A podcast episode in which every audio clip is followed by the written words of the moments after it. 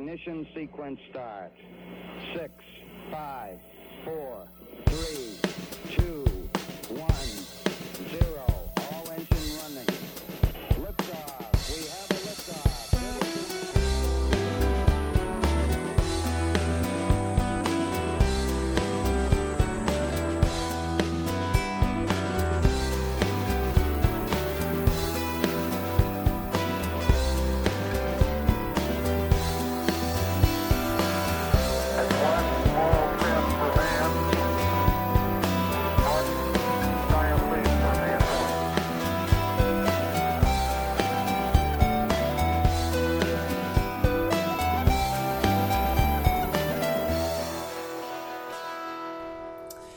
Hej och välkomna till novemberavsnittet av Slottspodd, Slottsskogsobservatoriets poddradiosändning som vi sänder härifrån Observatoriet i Göteborg.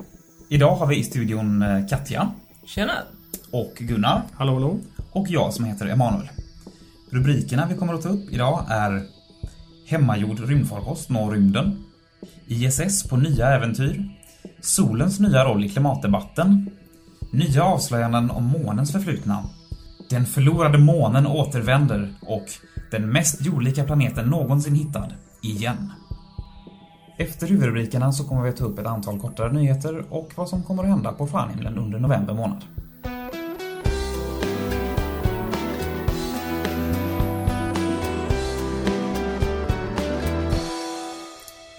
Då ska vi börja med lite rymdfart skulle man kunna säga.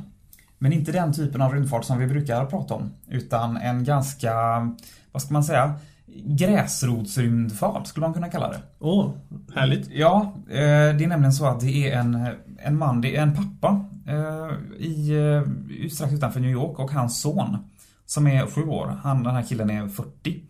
Och de har tillsammans byggt en egen hemmagjord rymdfarkost som de har skickat ut i rymden och filmat jorden uppifrån övre stratosfären. Och då kan man fråga sig, hur lyckas man med det här? Jo, deras recept är att de tog helt enkelt en, eh, en sån här matlåda, en sån här plastlåda som man får typ när man köper sushi. Mm. Eh, En sån plastgrej och så fyllt den med lite, med lite isolering och sådär. Och i den placerat en videokamera och en, eh, en mobiltelefon. Det är riktigt high-tech det här alltså. Ja, ja verkligen. Och så fäst det här då i en väderballong. Och så skickar man upp det här ifrån, eh, ja i, i News, Newburgh utanför New York i, nu i augusti. De hade gjort ganska mycket research och efterforskningar liksom Mm. innan sådär, hur, hur kan det här fungera och sådär liksom. Och de, det var väl 50-50 ungefär som de räknade med att den skulle ta sig upp på någon direkt höjd. Mm. Och sådär. Men eh, ja, de släppte den. Och efter en, två minuter ungefär så en kilometer upp i luften så, så blev det vitt på kameran för att det kom in i, in i molnen då. Mm. Och där stannade den ju. Det var ett ganska tjockt molnlager. Mm. Så det dröjde, dröjde tio minuter ungefär innan den kom ut Jaha. på ovansidan så att säga. Mm. Och det blev klart igen. Och sen steg den och steg och så tappade de ju att, att de hade mobiltelefonen med berodde på att de ville ha, de ville kunna spåra den för, med en, Mm. det var en GPS-mobil. Så Ja. de ville kunna spåra signalen.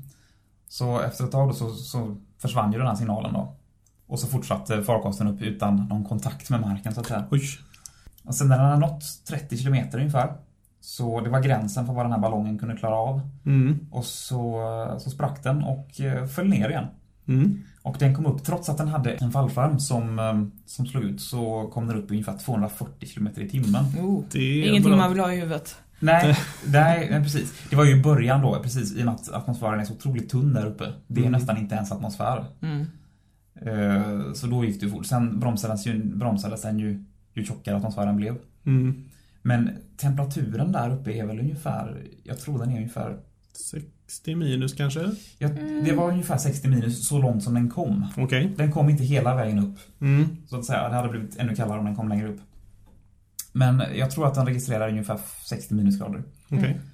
Och så ett fall då på 240 km i timmen. Så det är ju rätt mycket påfrestning på en telefon och stackars kamera. Ja, precis.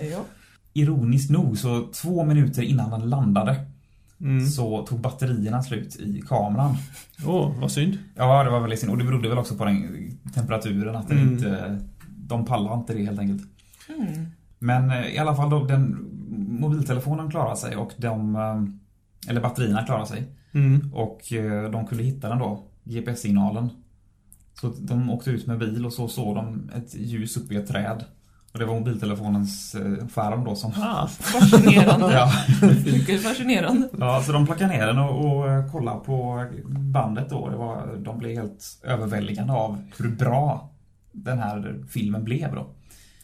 och den går väl numera att se på YouTube va? Japp, det gör den. Den har blivit något av en, en, en kändis nu på några få veckor. Så att det, det kan vi rekommendera lyssnarna. Och sök på den här eh, pappan hette Luke Geisbuller. Eh, Ja.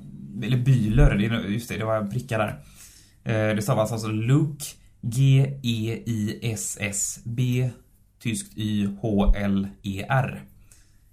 Så sök, sök på det och, och Space eller någonting så bör ni hitta filmen.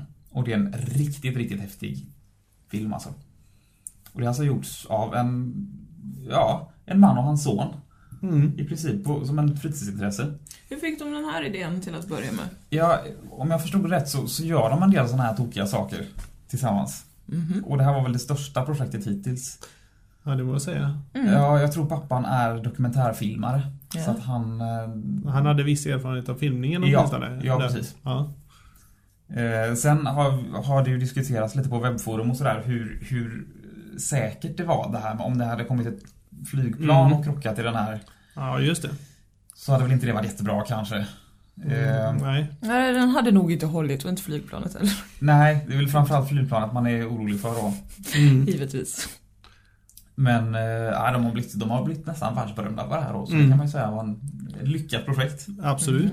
Och som, som han sa då den här pappan att det låter så väldigt enkelt det här med en kamera och en telefon och en, Mm. en matlåda. Men eh, det har krävt mycket beräkningar och de har fått göra testflygningar och sådär liksom. Så att det har varit mycket mer avancerat än vad man kan tro. Ett seriöst projekt helt enkelt. Mm.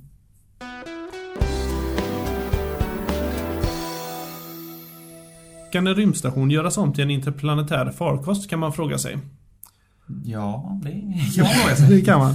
Och eh, nu är det så här att NASA-astronomerna har ju pratat om det här med att man vill eh, som nästa stora projekt åka till en asteroid. Det har vi ju pratat om på ett tidigare nummer här i Slottspodd. Det är väl en av deras eh, projekt som de vill genomföra i alla fall. Ja, precis. En av deras större projekt kan man säga. Ja. Förutom mycket andra forskningssatelliter som man också är inblandad i. Ja, de vill till, till Mars med, med människor och sådär liksom. Ja, precis. Och det här är väl ett steg på vägen då skulle man kunna säga. Nu har de ju diskuterat att man skulle kunna använda modul från den här internationella rymdstationen. För att eh, det är nämligen så att den är ju planlagd att den ska köra fram till eh, 2020 ungefär. Sen räknar man med att den behöver gå i pension.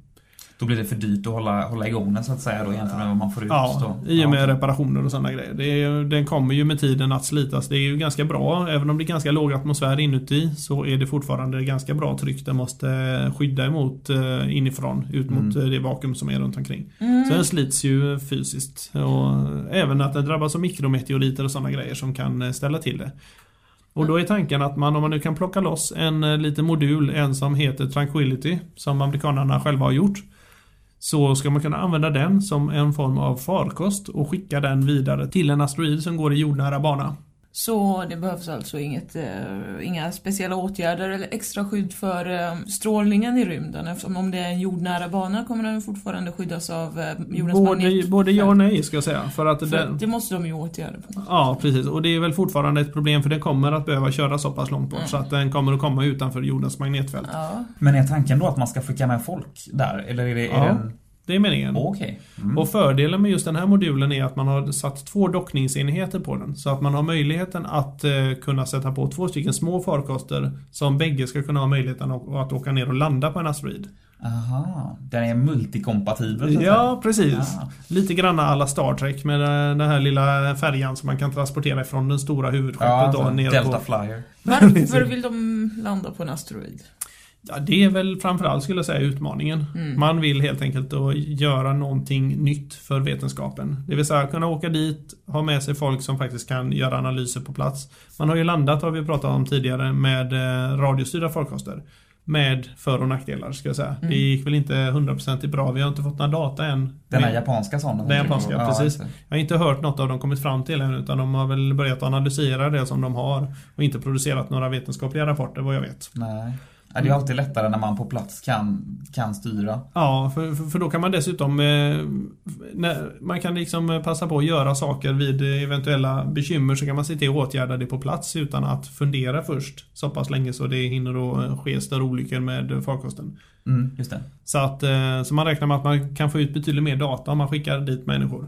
Plus att det är ju själva utmaningen då att göra en lite längre resa än vad vi hittills gjort. Det vill säga utanför jordens magnetfält och komma lite längre bort helt enkelt. Man tar det i steg, så att säga. Om vi börjar med månen, Ja, så eh, det är, det är ett mellansteg innan vi kommer till Mars, kan man säga. ja kan man säga. Jag vet faktiskt inte i eh, stunden eh, nu exakt hur långt bort de kommer att åka. Det beror väl lite på vilken asteroid de väljer. Det kan hända att de redan har valt men de har inte gått ut med vilken asteroid de vill besöka ännu. För det finns väl inte så stora asteroider i i jordnära banor?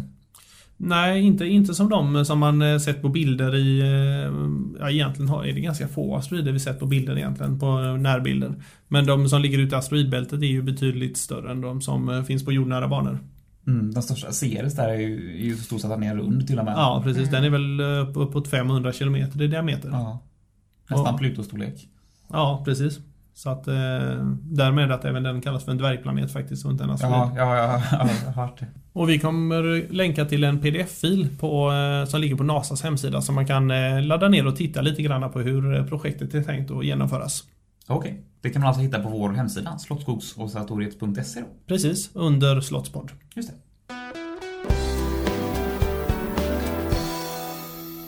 Det har ju diskuterats eh, både länge och väl det här att solen kan påverka våra klimat.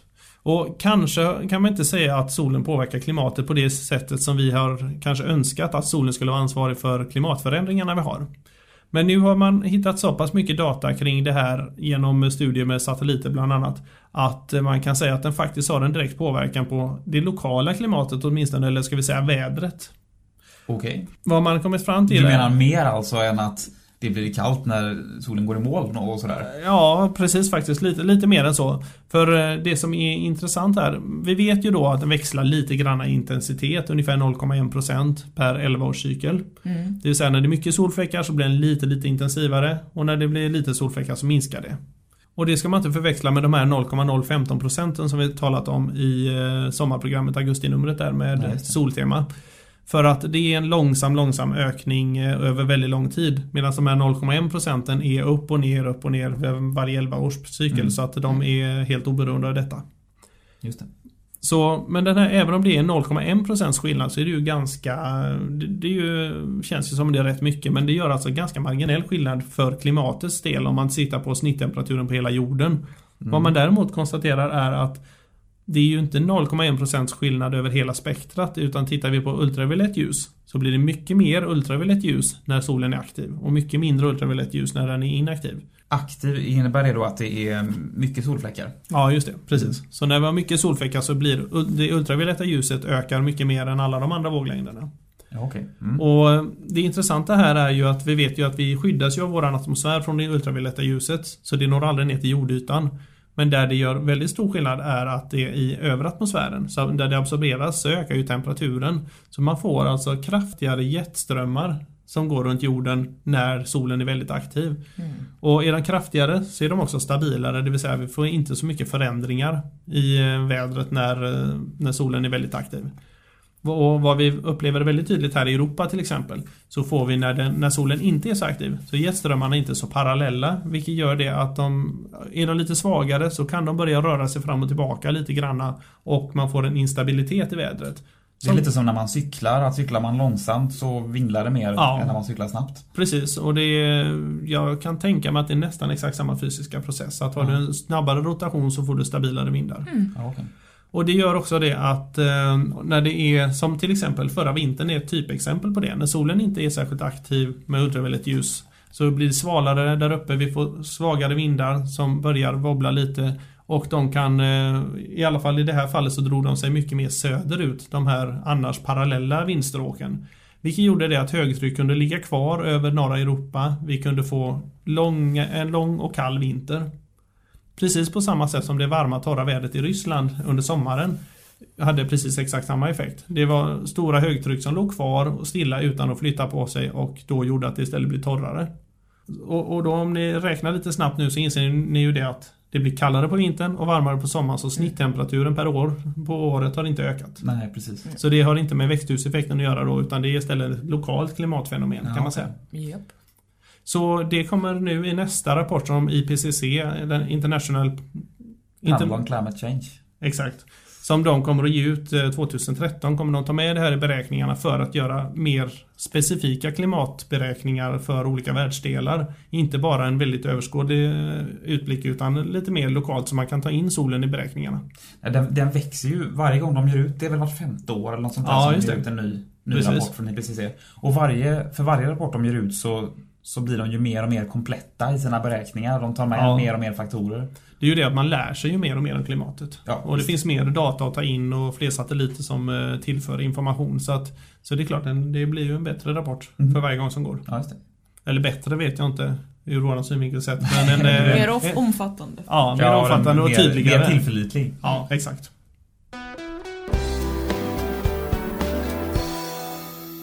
Då har det blivit dags att börja prata om månen och inte minst den satellit som går kring månen har gjort så ett tag nu. LRO som står för Lunar Reconnaissance Orbiter. Mm. Eh, Som har en stor uppsättning eh, fina instrument som den kan studera vår lilla, vår lilla granne, höll jag på att säga. Vår lillebror skulle man kunna säga. Ja. Eller lilla syster. Det är svårt att avgöra kön på, på himlakroppar så att säga. Precis. Det som är aktuellt nu är att man har, det finns ett instrument som heter LOLA. Lunar Orbiter Laser Altimeter. Det vill säga en, en, en laserinstrument som mäter höjdskillnader, topografi Mhm. på månen. Som har gjort en väldigt exakt tredimensionell topografisk karta. Över hela månytan då. Eller jag vet inte om det är hela månytan, men det är en, en stor del av månytan. Ganska stor del i alla fall. Ja, Precis. så man har fått en, en, en överblick över månens topografi som man inte haft innan. För de kartor som har funnits över månen har ju varit i princip baserade på fotografier. Mm. Och då har man ju klippt ihop fotografier som har tagits ofta ur lite olika vinklar med lite olika solinstrålning Mm. och sådär. Så att det har varit ganska, man har inte kunnat gå så nära in på så att säga. Att det har varit lite ganska stor osäkerhet inblandad. Och framförallt då när man tittar på kratrar och sånt där och ljuset kommer från olika håll har det varit svårt att avgöra Mm. skillnaden mellan olika kratrar och man har inte kunnat dra så mycket slutsatser om det. Men nu med den här topografiska 3D-kartan har man kunnat konstatera ganska mycket nya spännande grejer och fått omvärdera lite eh, teorierna om månens vad ska man kalla månens eh, turbulenta ungdomsperiod. Ah.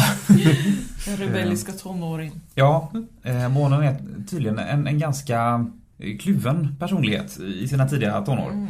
Mm. Eh, Man har bland annat konstaterat att det verkar vara två ganska skilda generationer av meteoriter och kometer och asteroider som har slagit ner under månens geologiska historia. Spännande. Ja, Mhm. Hur skiljer de sig från varandra? de skiljer sig från varandra både i, i storlek och i, i kemisk ihopsättning så att säga. Mm. Man kan se olika kiselhalter och olika former av, av, av ämnen som finns i de här olika nedslagen från olika perioder. Så för att göra en, en lång historia kort då så har det, har det varit de äldre, den äldre epoken av bom- bombardemang Mm. har bestått av större eh, rymdstenar och asteroider och meteoriter som har slagit ner och som har gjort de här stora Maria, de här haven på månen. Mm. Ja, eh, mare kommer ju från latinets hav. Ja, just det. Mm. Medan de, de senare, förmodligen så var det väl så då att allt eftersom solsystemet åldrades så försvann de här större grejerna. Man hade redan Mm, ner någonstans. Exakt. Så då fanns det bara mindre kvar. Ja, just det. Och man kan se då att det är två distinkta populationer, om man nu kan kalla det, av objekt som har ramlat ner. Mm. Och det som är intressant då att man kan, är att man kan använda månen som en slags som en slags nyckel till att tolka nedslag på andra planeter. Månen, I och med att månen inte har någon egentlig erosion Mm. vi har ju en, vi har en ytterst, ytterst tunn atmosfär. Mm. Som är nästan och kallas, som kan kallas vakuum i princip. Ja. Eh, Och inga direkta vindar som man kan mäta upp. Och det är ingen mekanisk slitage, inga bilar som kör och sabbar och grejer som vi har här. Mm. Utan det är i princip orört förutom just för nedfall ifrån rymden. Och det innebär att det är väldigt lätt-tolkat då för forskarna att titta på vad har hänt här och vilka kratrar har orsakats av vilka nedslag och sådär. Mm. Så då kan man använda månen som en slags Rosetta-sten. Ja. Som den här som man hittade som man kunde börja översätta hieroglyfer och grejer genom att det det. fanns Exakt. samma text på olika språk. Mm. Då kan man använda månen som en, som en Rosetta-sten för att tolka nedslag på andra planeter som är mycket svårare att se detaljer på. Mm. Ja, Så vi kan nog se fram emot en, en ökad förståelse tror jag av, av, av geologiska fenomen och nedslag på andra planeter tror jag tack vare det man har hittat på månen.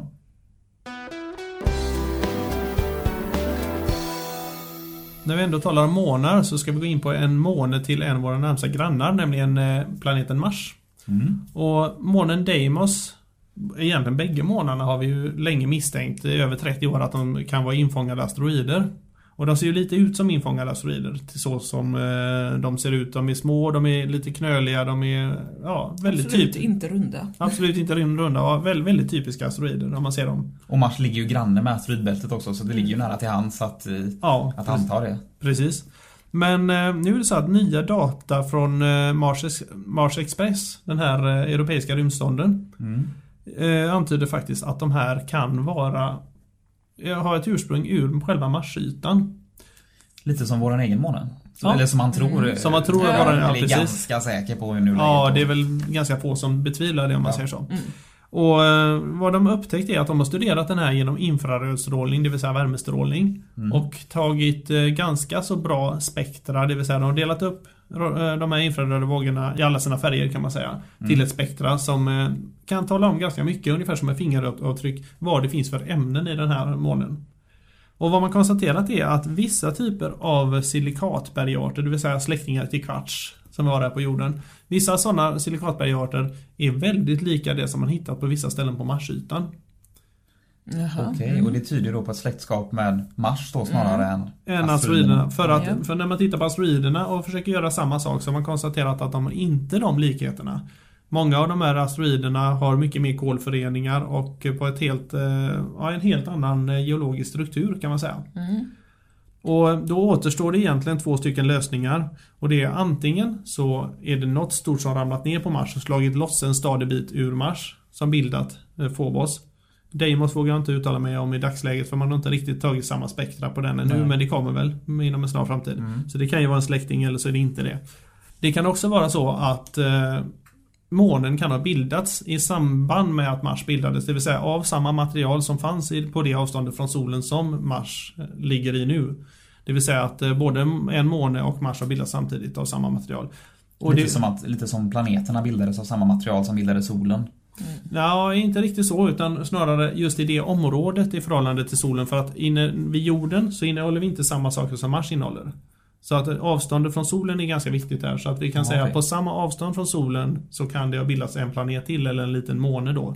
Som sen har slagit sönder till små flisor varav detta Ja, är okej. en. Du menar alltså att eh, Phobos och Deimos, Deimos eh, kan ha varit en och samma kropp från början? Inte omöjligt. Fast vi har inga data som, eh, som stärker att Deimos är likadan även om man kan ana det. Mm. än så Ja. länge. Och skulle det här nu kunna bekräftas av någon annan, för nu har det bara observerats av den här Mars Express. Men kan man lyckas bekräfta de här observationerna med någon mer form av observation som stödjer samma sak, då innebär det att en 30 år gammal teori om eh, infångad måne faktiskt faller. Mm. Men är det inte så att uh, Phobos och för den delen Deimos är på väg tillbaka ner på Mars? Jo, det stämmer faktiskt. De ligger på en sån bana så att man anar att de kommer kunna ramla ner inom en snar framtid. Mm. Till skillnad från vår egen måne som istället avlägsnar sig från jorden varje år. Precis. Och i det här Snar fallet, framtid i de här sammanhangen är... det är en astronomiskt snar framtid, det vill säga några miljoner år åtminstone. Och det är Ja. nära. Ja, ja, det är ju imorgon i princip. Ja, Den förlorade månen återvänder helt enkelt. helt enkelt.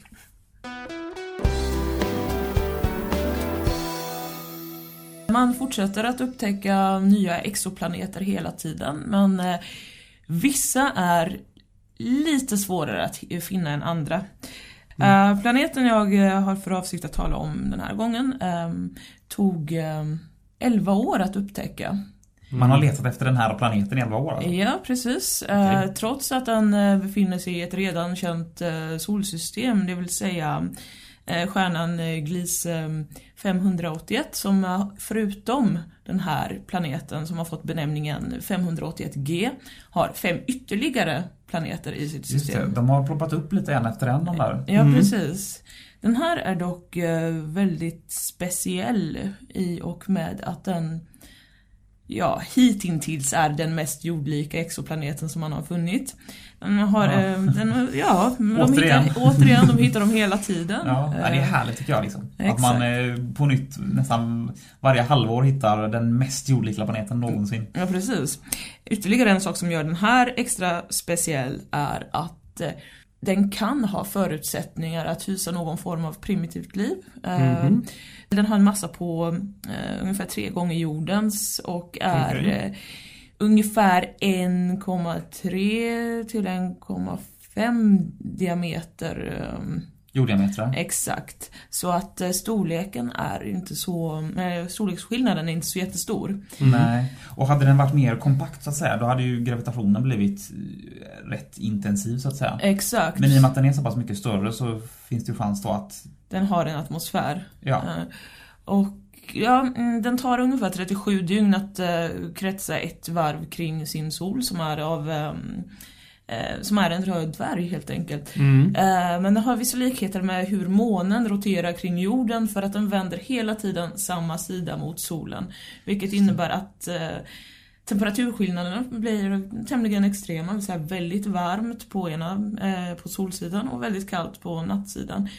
Eh, och eh, inte heller har den här planeten någon eh, märkbar axellutning vilket gör att årstider som vi känner till dem, ja inte bara här på jorden utan andra planeter också, existerar i princip inte. Mm. Så att det, mm, det har ett ganska konstant läge. Det är som att tiden står still så att säga. Det är ingenting som ändras I egentligen. princip, det finns ingen dag, det finns ingen natt i den Det bemärkelsen. finns ingen vinter, det finns ingen sommar. Exakt, det, så ja. Vad, som, vad som möjligtvis skulle kunna vara skulle vara om den här banan är aningen elliptisk då så att eh, Mm. det kanske blir att den kan vrida, vrida sig ungefär som månen gör. Den wobblar ju lite så vi kan ju se nästan 60% av månytan egentligen. ja. Just och det det. borde kunna göra att en liten del kan uppleva soluppgång och solnedgång en gång per år då. Mm. Kanske Ja precis, fast eh, med någonting sådant har man inte kunnat uppmäta hittills i alla fall. Men, men grejen är väl, man, väl, man har väl inte kunnat se den här planeten fysiskt? Man har väl Eh, mätt? nej, man har, man har uppmätt dess eh, existens på um, de Man har sätten. kunnat- ja, Mm. man har kunnat- Genom att stjärnan wobblar lite fram och tillbaka. Exakt. Just Exakt. Men det är ändå ganska imponerande tycker jag att man hittar inte bara ett um, stjärnsystem med så pass eh, många planeter eh, utan även eh, stenplaneter för att exoplaneter utgörs ju eh, till en väldigt stor del av just gasjättar Mm. som i och för sig i många avseenden är eh, på gränsen till bruna dvärgar. Men Mm. det här är det här är ju en röd dvärg som är centrum av solsystemet, Mm. vilket också är ganska speciellt. Men eh, fördelaktigt eftersom eh, röda dvärgar är långlivade. Så Just om det. någon form av liv skulle utvecklas på den här planeten så finns det alltid i världen för att det ska hinna anpassa sig till de extrema förhållanden på planeten. Ja, just det. En liten röd fan, en röd dvärg av den storleken tror jag kan bli upp mot en 100 miljarder år eller något Ja, sånt ja, precis. men, eh, Exakt. Och det är ju, ja det är ju fem, sex gånger ännu mer än vad Ja. universum har funnits. Mm. Så att eh, uppstår det så har du ju som sagt tid på sig. precis. Och om man nu jämför det med jordiska mått så är det ju, jag menar det tog ju På jorden tog det i och för sig ganska lång tid innan vi fick flercelligt liv men nu lutar det ju åt att flercelligt liv kom efter ungefär ja, en och en halv, en till en och en halv miljard år efter livet startat på jorden. Mm. Om man ska tro eh, forskare från Stockholm som eh, precis nyligen upptäckt nervceller som är typ 2,5 miljarder år gamla. Oj, Ja. Om det stämmer nu, för det måste väl bekräftas av någon mer forskargrupp innan man kan vara hundra på det men eh, och i sådana fall, jag menar en och en halv miljard år och sen har man fortfarande typ 95-98 miljarder Ja. år på sig att Ja. utvecklas. Jag Ja, menar, det kan hända mycket på den tiden. Ja, Mm. ja verkligen. Ja, och den ligger ju relativt nära också så i sinom tid kanske det blir aktu- aktuellt att kolonialisera den. Ja, precis. Ja precis, eh, genomsnittstemperaturen är ju förhållandevis eh, behaglig också på Okej. mellan eh, minus 30 och minus 12. Eh, Det är ju ändå rätt okej faktiskt. Ja, faktiskt. Och, Om man slår eh, ut det då över hela Ja, exakt. Annars så... Ja, det, det, i verkligheten så är det ju mindre behagligt än så. Men om man Ja, ut ja. som sagt. Det är ju precis på kanten där mellan natt och dagsidan som Mm. det blir eh, ganska tempererat Ja, exakt. Ja, I- Och förutsättningar för flytande vatten och så. Fast, Ja. fast jag skulle faktiskt kunna tänka mig ett litet bekymmer där. För flytande vatten har en tendens till att avdunsta. mm, Och där det är kallt så ramlar det ner som snö. mm. Och där blir det aldrig varmt igen. Så jag kan ana att det borde vara väldigt torrt på ena sidan och väldigt isigt på andra sidan. Det eh, Finns- låter inte helt eh, oövat faktiskt. Man talar även om en viss, eh, ett visst mått av växthuseffekt på den här planeten. Okej. Nu vet jag inte hur de har kunnat mäta upp det men tydligen så skiljer inte sig heller Mm. den sig så mycket från jordens normaltillstånd om man säger så. så växthuseffekt utan ehm, utan hjälp från mänskligheten så att Okej, säga. ja, det. Utan det är, det är bara några graders skillnad i princip. Mm.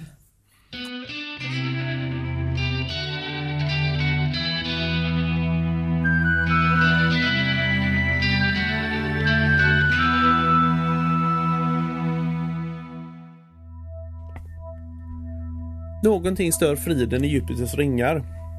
2009 upptäcktes en störning i Saturnus ringar. En svag krusning som sträckte sig tiotusentals kilometer i spiral utåt. Att döma av hur många varv den här spiralen har nått så räknade man ut att händelsen sannolikt ägt runt någonstans i mitten på 1980-talet. Nu har det hänt igen. Den här gången är det runt Jupiter. Mike Showalker från CT-institutet berättar att eh, det har hänt inte bara en gång utan faktiskt två gånger. Den första vågen som man mätte upp har ett spiralmönster med ungefär 600 km mellanrum och vågen är ungefär 600 meter hög. Våg nummer två har ett avstånd på ungefär 2000 km mellan spiralerna och en höjd på 3000 meter. Händelserna tros ha ägt runt år 1990 samt 1994.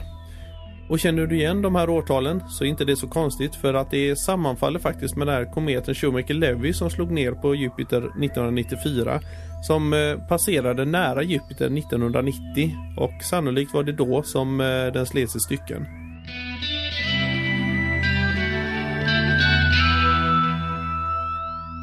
Mars-rovern Opportunity på dejt med en potentiell meteorit. Efter en 81 meter lång tur så upptäckte det vetenskapliga team som kör rovern en eh, sten som låg ungefär 31 meter bort. Stenen, som teamet bedömer vara stor som en brödrost, såg intressant ut och man beslöt sig för att ta en närmare titt. De rundade formerna, den mörka färgen och sättet att ligga ovanpå sanden antyder att det kan vara en järnmeteorit, säger Matt Gullenbeck från NASA Jet Propulsion Laboratory. Hittills har Opportunity funnit inte mindre än fyra järnmeteoriter under sin färd över Meridiani Planum. Några data om den sist funna stenen har hittills inte publicerats.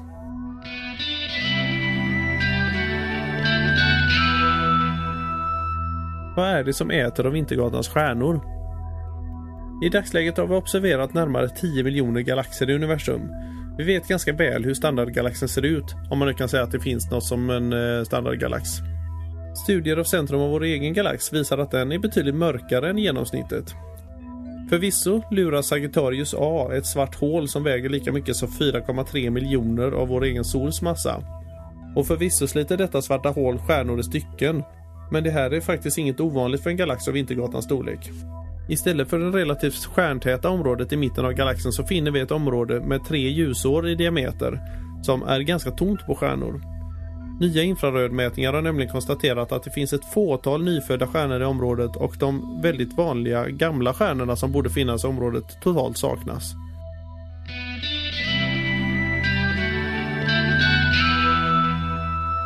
Kan dålig andedräkt avslöja liv på Mars? Om liv finns på Mars kanske vi kan känna lukten av det innan vi ser det. En svavelhaltig molekyl som heter metylmerkaptan, som bland annat är ansvarig för dålig andedräkt, produceras naturligt i mätbara halter på jorden. En fördel med just denna molekyl är att eh, det krävs livsformer för att bilda den. Nästa NASA-rover som ska köras runt på Marsytan kommer att ha med sig ett instrument som är särskilt känsligt för just denna molekyl, säger Steve Vance på NASA Jet Propulsion Laboratory. Instrumentet i fråga kommer att åka med Curiosity-rovern som ska landa på Mars under 2012.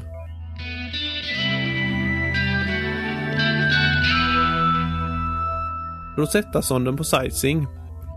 European Space Agencys eh, Rosetta-sond är på väg till kometen Churyumov-Gerasimenko där den eh, kommer att landa 2014. På vägen har den just studerat asteroiden Lutetia som den passerade i juli. På ett avstånd av 3160 kilometer så har den tagit mycket fina bilder.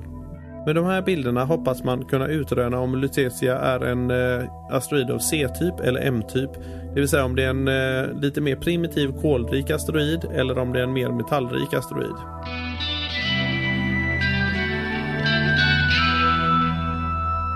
Har du funderat på varifrån din höjdrädsla kommer? Man tänker sig att Einsteins förutsägelse då det gäller relativitetsteori kräver ganska häftig gravitation eller extremt höga hastigheter. Man har ju konstaterat att atomur ombord på flygplan, som alltså har en ganska blygsam fart jämfört med ljushastigheten, faktiskt går lite granna långsammare. Man har också konstaterat att atomur på mycket hög höjd, det vill säga i omloppsbana till exempel, går något snabbare. Nu har man mätt med en ny typ av atomur, nämligen ett atomur som mäter aluminiums förmåga att absorbera laserljus.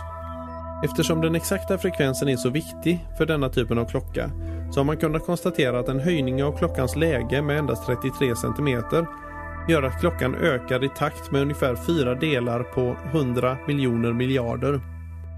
Alltså kan man säga att man åldras faktiskt snabbare om man skulle stå på en trappstege. Men oroa dig inte, det rör sig faktiskt bara om 0,1 miljondel sekund om du skulle stå där i 80 år.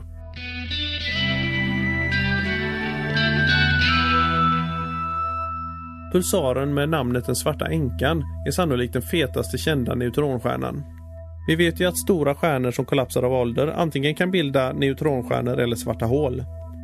Den här kannibalstjärnan som faktiskt slukar material från sin partner som den rör sig runt väger eh, just nu över 2,4 solmassor.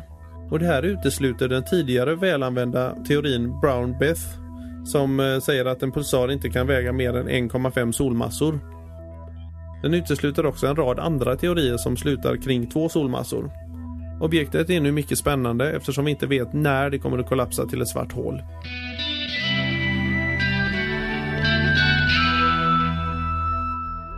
Kina redo för nästa månresa.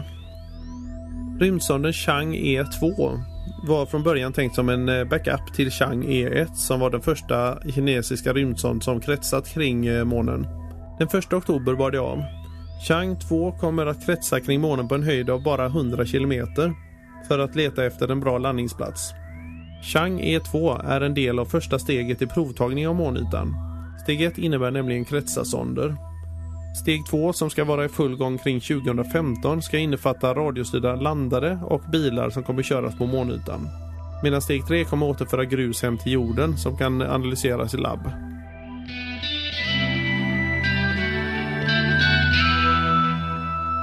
Så till lite nyheter av mer lokal art. Rymdkanalen.se låter meddela att 24 radioantenner tillverkade av Ruag i Mölndal sändes upp med rekordraket från Kazakstan. Sojus-raketen som lyfte det här ekipaget lyfte sammanlagt sex stycken kommunikationssatelliter till områdsbana. Kommunikationssatelliterna är en ny generation av mobilsatelliter inom Global Star.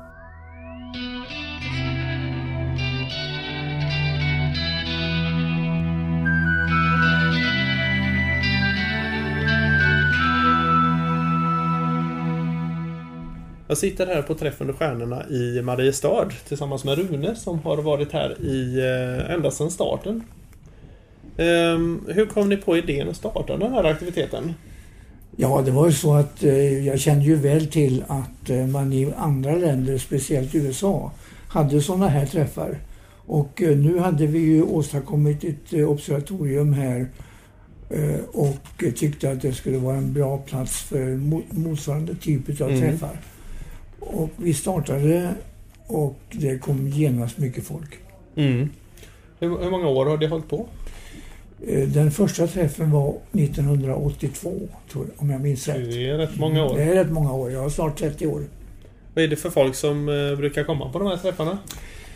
Eh, ja, det är astronomiintresserade från hela Sverige.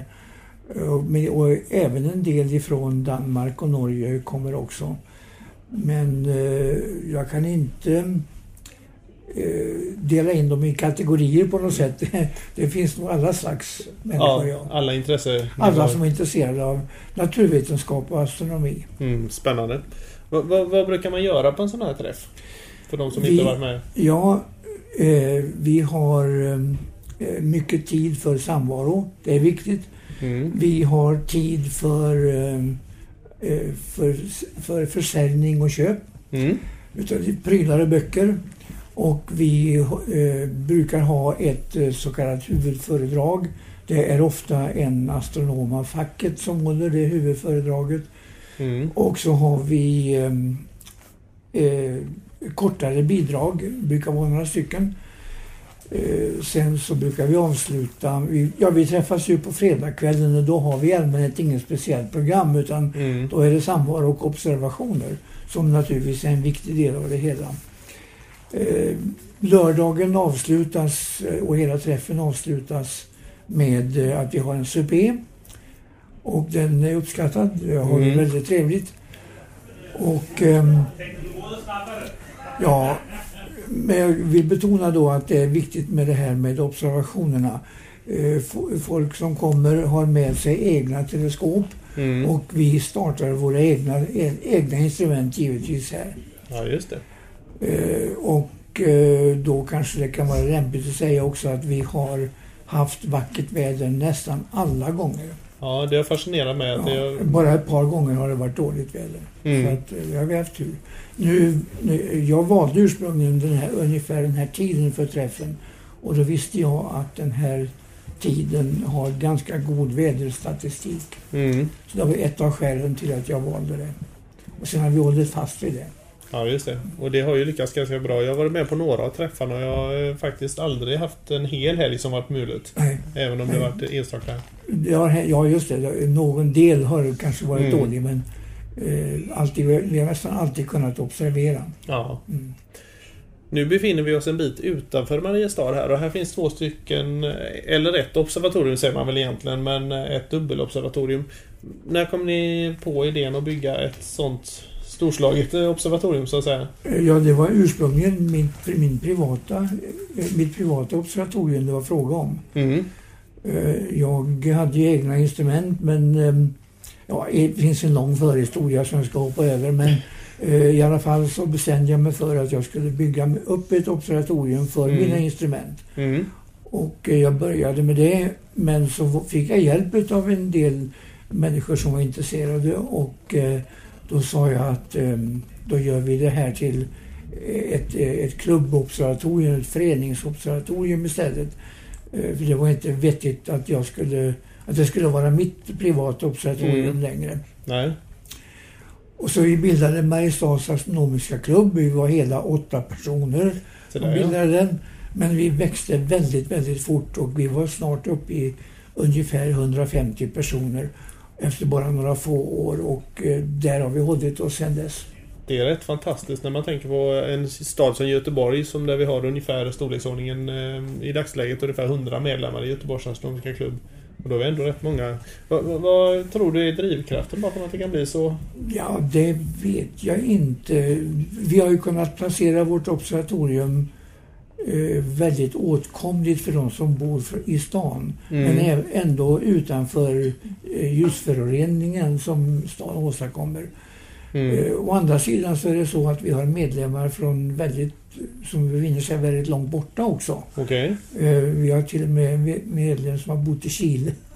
Okej. Men eh, eh, så att eh, det är väldigt svårt att säga. Mm. Eh, Nu är det klart att konkurrensen med andra verksamheter är ju mindre i en liten stad än i en stor stad skulle Mm. jag tro. Eh, Dessutom så är nog eh, stjärnhimlen för invånarna i en stor stad, den är ganska främmande. De, Ja. ser, de ser den aldrig. Nej. I en liten stad ser vi i alla fall stjärnhimlen, ofta nog. Och det kan vara en drivkraft nog. Det kan vara så. Eh, Dessutom så startade jag en tidskrift, ja, egentligen vårt medlemsblad som Mm. jag utformade som en tidskrift. Ja. Och jag tror att eh, ett sånt blad betyder faktiskt väldigt mycket för att hålla ihop en klubb och hålla, upprätthålla intresset. Mm. Om man eh, tar med inte bara klubbangelägenheter utan också eh, lite allmän astronomisk underhållning kan man Ja, säga. Och ni träffas även eh, utanför den här träffen förstås. Hur Ja, ofta det brukar ni träffas i klubben här? Ja, varje, i princip varje måndag. Då har Okej. vi arbetskvällar. Mm. Eh, och eh, sen har vi ju per termin tre stycken programkvällar. Mm. Och vi håller väl föredrag själva, eller visar film. Men mycket ofta så har vi också besök av professionella astronomer som det har aldrig varit någon svårighet med att få hit dem. Okej. Tvärtom. Mm. Eh, Det har till och med hänt att några har ringt mig och frågat om de inte skulle kunna få komma och hålla föredrag. Det är inte illa. Det är inte illa. Det är väldigt trevligt. Nu var det så att jag har bott i Uppsala en lång tid och eh, där eh, så lärde jag känna väldigt många utav de professionella astronomerna och där vi har stor glädje av här i klubben. Mm. Just det. Ja, då får jag tacka dig så mycket för den här stunden och en väldigt trevlig helg faktiskt här. Ja, tack själv. Det var en trevlig samtalsstund. Mm. Tack så mycket.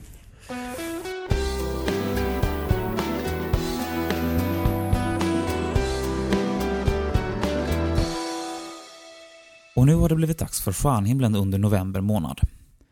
Nu börjar det äntligen bli vinter. Himlen är mörk. Det återstår dock att se om november kommer att bjuda på klart väder, för i så fall finns det mycket fint att titta på. Stjärnhimlen klockan 19 på kvällen i mitten av november ser ut som följer. I nordväst har just Arcturus i björnvaktaren gått ner bakom horisonten. Därmed är stjärnbilden ganska svår att se. Till vänster om björnvaktaren syns norra kronan svagt, likt en skål. Snett ovanför, till vänster om norra kronan, i väst-nordväst finns Herkules. Mittpartiet på Herkules är en ljussvag, lite skev kvadrat. I den högra linjen av kvadraten, två tredjedelar av avståndet upp från den nedre stjärnan, finner man den förhållandevis ljussvaga klotformiga stjärnhopen M13. M13 är ganska kompakt. Inom en diameter av bara 145 ljusår finns hela 100 000 stjärnor. Rakt i väster, på drygt 50 graders höjd, lyser stjärnan Vega i Lyran. Högt ovanför Lyran, fast i västsydväst, ligger stjärnbilden Svanen, vars huvud just nu pekar rakt mot horisonten. I dess stjärt ligger stjärnan Deneb. Nedanför Svanen, till vänster, i sydväst, ligger stjärnan Altär i Örnen. Tillsammans bildar Vega, Altair och Deneb en nästan rätvinklig triangel som av Sir Patrick Moore gavs namnet Sommartriangeln. Den syns visserligen även på vintern, men är en av de få skönjbara stjärnbilderna under sommaren, därav namnet. Rakt i söder ligger Pegasus, även detta en relativt svag stjärnbild. I mitten av den ligger en kvadrat som i sin överkant åt vänster leder vidare till Andromeda. Drar man en linje mellan den övre högra och den övre vänstra stjärnan i kvadraten pekar denna linje mot en stjärna till vänster om kvadraten. Följer du samma linje lite längre och lite uppåt hittar du ännu en stjärna. Ta nu av rakt uppåt. Där finner du strax ytterligare en svag stjärna. Bara en liten bit ovanför den här så hittar du vår närmaste stora galax, Andromedagalaxen, med sina 300 miljarder stjärnor. Andromedagalaxen ligger i ost-nordost. Vidare åt vänster finner du Perseus med demonstjärnan som vi nämnde i septemberavsnittet. Nedanför Perseus i ost-nordost finner du Capella i kusken. Capella är också månadens stjärna som du kommer att få höra mer om om en liten stund. Ovanför Perseus hittar du Cassiopeia, en stjärnbild som liknar ett aningen skevt W. Precis i horisontlinjen i nord-nordost ligger tvillingarna. Ovanför dem ligger Karlavagnen. Och rakt ovanför Karlavagnen hittar du Lilla björnen med Polaris, eller Polarstjärnan i svansen. Så lite om månadens stjärna, Capella. Capella är en ljusstark samling av inte bara en utan fyra stjärnor i två tvillingsystem som rör sig runt gemensamma masscentrum. De lyser tillsammans med magnituden minus 0,51. Ena paret är två G-jättar, det vill säga två äldre stjärnor av soltyp. Den första av dem har en diameter på cirka 12 gånger solens och en yttemperatur på 4900 grader. Den väger 2,7 solmassor och lyser 79 gånger starkare än solen. Den andra väger 2,8 solmassor och lyser 78 gånger starkare än solen. Den är 5700 grader varm och 9 gånger solen i diameter. Avståndet mellan de här två stjärnorna är bara 100 miljoner kilometer, eller två tredjedels astronomisk enhet. De rör sig ett varv runt varandra på 104 dagar. Den tyngre av de två har börjat omvandla helium till kol och syre, till skillnad från den lättare som ännu inte har börjat omvandla något annat än väte till helium. Det andra paret i Capella ligger cirka 10 000 astronomiska enheter, eller 1500 miljarder kilometer bort, är två relativt svala röda dvärgar. De rör sig runt de större stjärnorna på cirka 400 år. Capella-systemet är relativt närbeläget oss med sina 42,2 ljusårs avstånd. Namnet Capella kommer ifrån latinet och betyder liten get. Capella är nämnd i skrifter så tidigt som 2000 före vår tideräkning. Capella ligger i stjärnbilden Kusken, som också historiskt sett är kallad för Getheden. Så lite om vårt eget solsystem i november. Vi startar som vanligt med månens faser. Nymånen infaller den 6 november klockan 05.52. Månen i första kvarteret den 13 november klockan 17.38. Och månen är åter full den 21 november klockan 18.29 och i sista kvarteret den 28 november klockan 21.38. Merkurius kommer att vara som längst till öster om solen den 1 december men kommer inte gå att se i och med den dåliga vinkeln. Venus ligger i början dåligt till men i samband med att avståndet till solen ökar kommer den snart att gå att se på morgonen innan soluppgången. Om du använder kikare av något slag för att hitta den så ska du akta dig för att inte få in några av solens starka strålar i kikaren. Mars syns inte alls under perioden. Jupiter ligger i sydost direkt efter solnedgången i början av månaden. Den går sedan att följa till någon timme efter midnatt. Tittar du vid solnedgången kommer den högre och högre under månaden. I slutet av november går den ner redan vid midnatt. Saturnus kan gå att se innan soluppgången i öster i början av månaden. Den kommer därefter att ligga bättre och bättre till. Och Uranus ligger fortsatt nära Jupiter, nu drygt 3 grader till vänster om Jupiter. Andra astronomihändelser den här månaden. 3 november har meteorskuren Tauriderna sitt maximum med högst ett fåtal fanor i timmen. 5 november så kommer månen att ockultera Venus om du befinner dig i södra Afrika. 8 november skjuts Falcon 9 upp av SpaceX. 9 november passerar Cassini-sonden Saturnusmånarna Dione och Enceladus på håll. Den 9 november är det också 40 år sedan sedan OFO, Orbiting Frog Otolith, ett eh, experiment för att testa tyngdlöshetens effekt på ämnesomsättningen. 10 november är det 40-årsjubileum för uppskjutningen av sovjetiska Luna 17 med Månrover. Den 11 november passerar Cassini Titan. Och den 12 november är det 30 år sedan Voyager 1 passerade Saturnus. Den 14 november är Sedna i opposition med ett avstånd på 12 miljarder kilometer. Och den 17 november har meteorskuren Leoniderna maximum. Normalt producerar denna skur 10 meteorer per timme, men i undantagsfall kommer riktiga skurar med hundratals meteorer per timme. Inget indikerar dock att detta skulle ske i år. Den 26 november ockulterar månen asteroiden Iris. Detta kan observeras ifrån norra Afrika, Mellanöstern och Indien. Den 26 november är det också 45 år sedan Asterix 1, Frankrikes första satellit, sändes upp. Den 28 november kommer Cassini att passera Hyperion på håll. Den 29 november passerar den Titan på håll igen. Den 30 november passerar den Enceladus, såväl som Atlas och Janus på håll. Så till vad som händer här på observatoriet den här månaden. Vi kommer att ha stjärnhimmelsvisningar på onsdagar klockan 19-20. Grupper kan boka in på tisdagar och torsdagar på vårt telefonnummer 031 12 63 00. Göteborgs astronomiska klubb arrangerar ett föredrag söndagen den 14 november klockan 14.00. Då kommer amatörastronomen Björn Gimle att berätta om varför man observerar satelliter. För mer information kring Slottsskogsobservatoriet och stjärnkartor till det här programmet så kan du gå in på slottsskogsobservatoriet.se. Nästa avsnitt av Slottspodd kommer att komma i månadsskiftet november-december. Fram tills dess önskar vi klara skyar.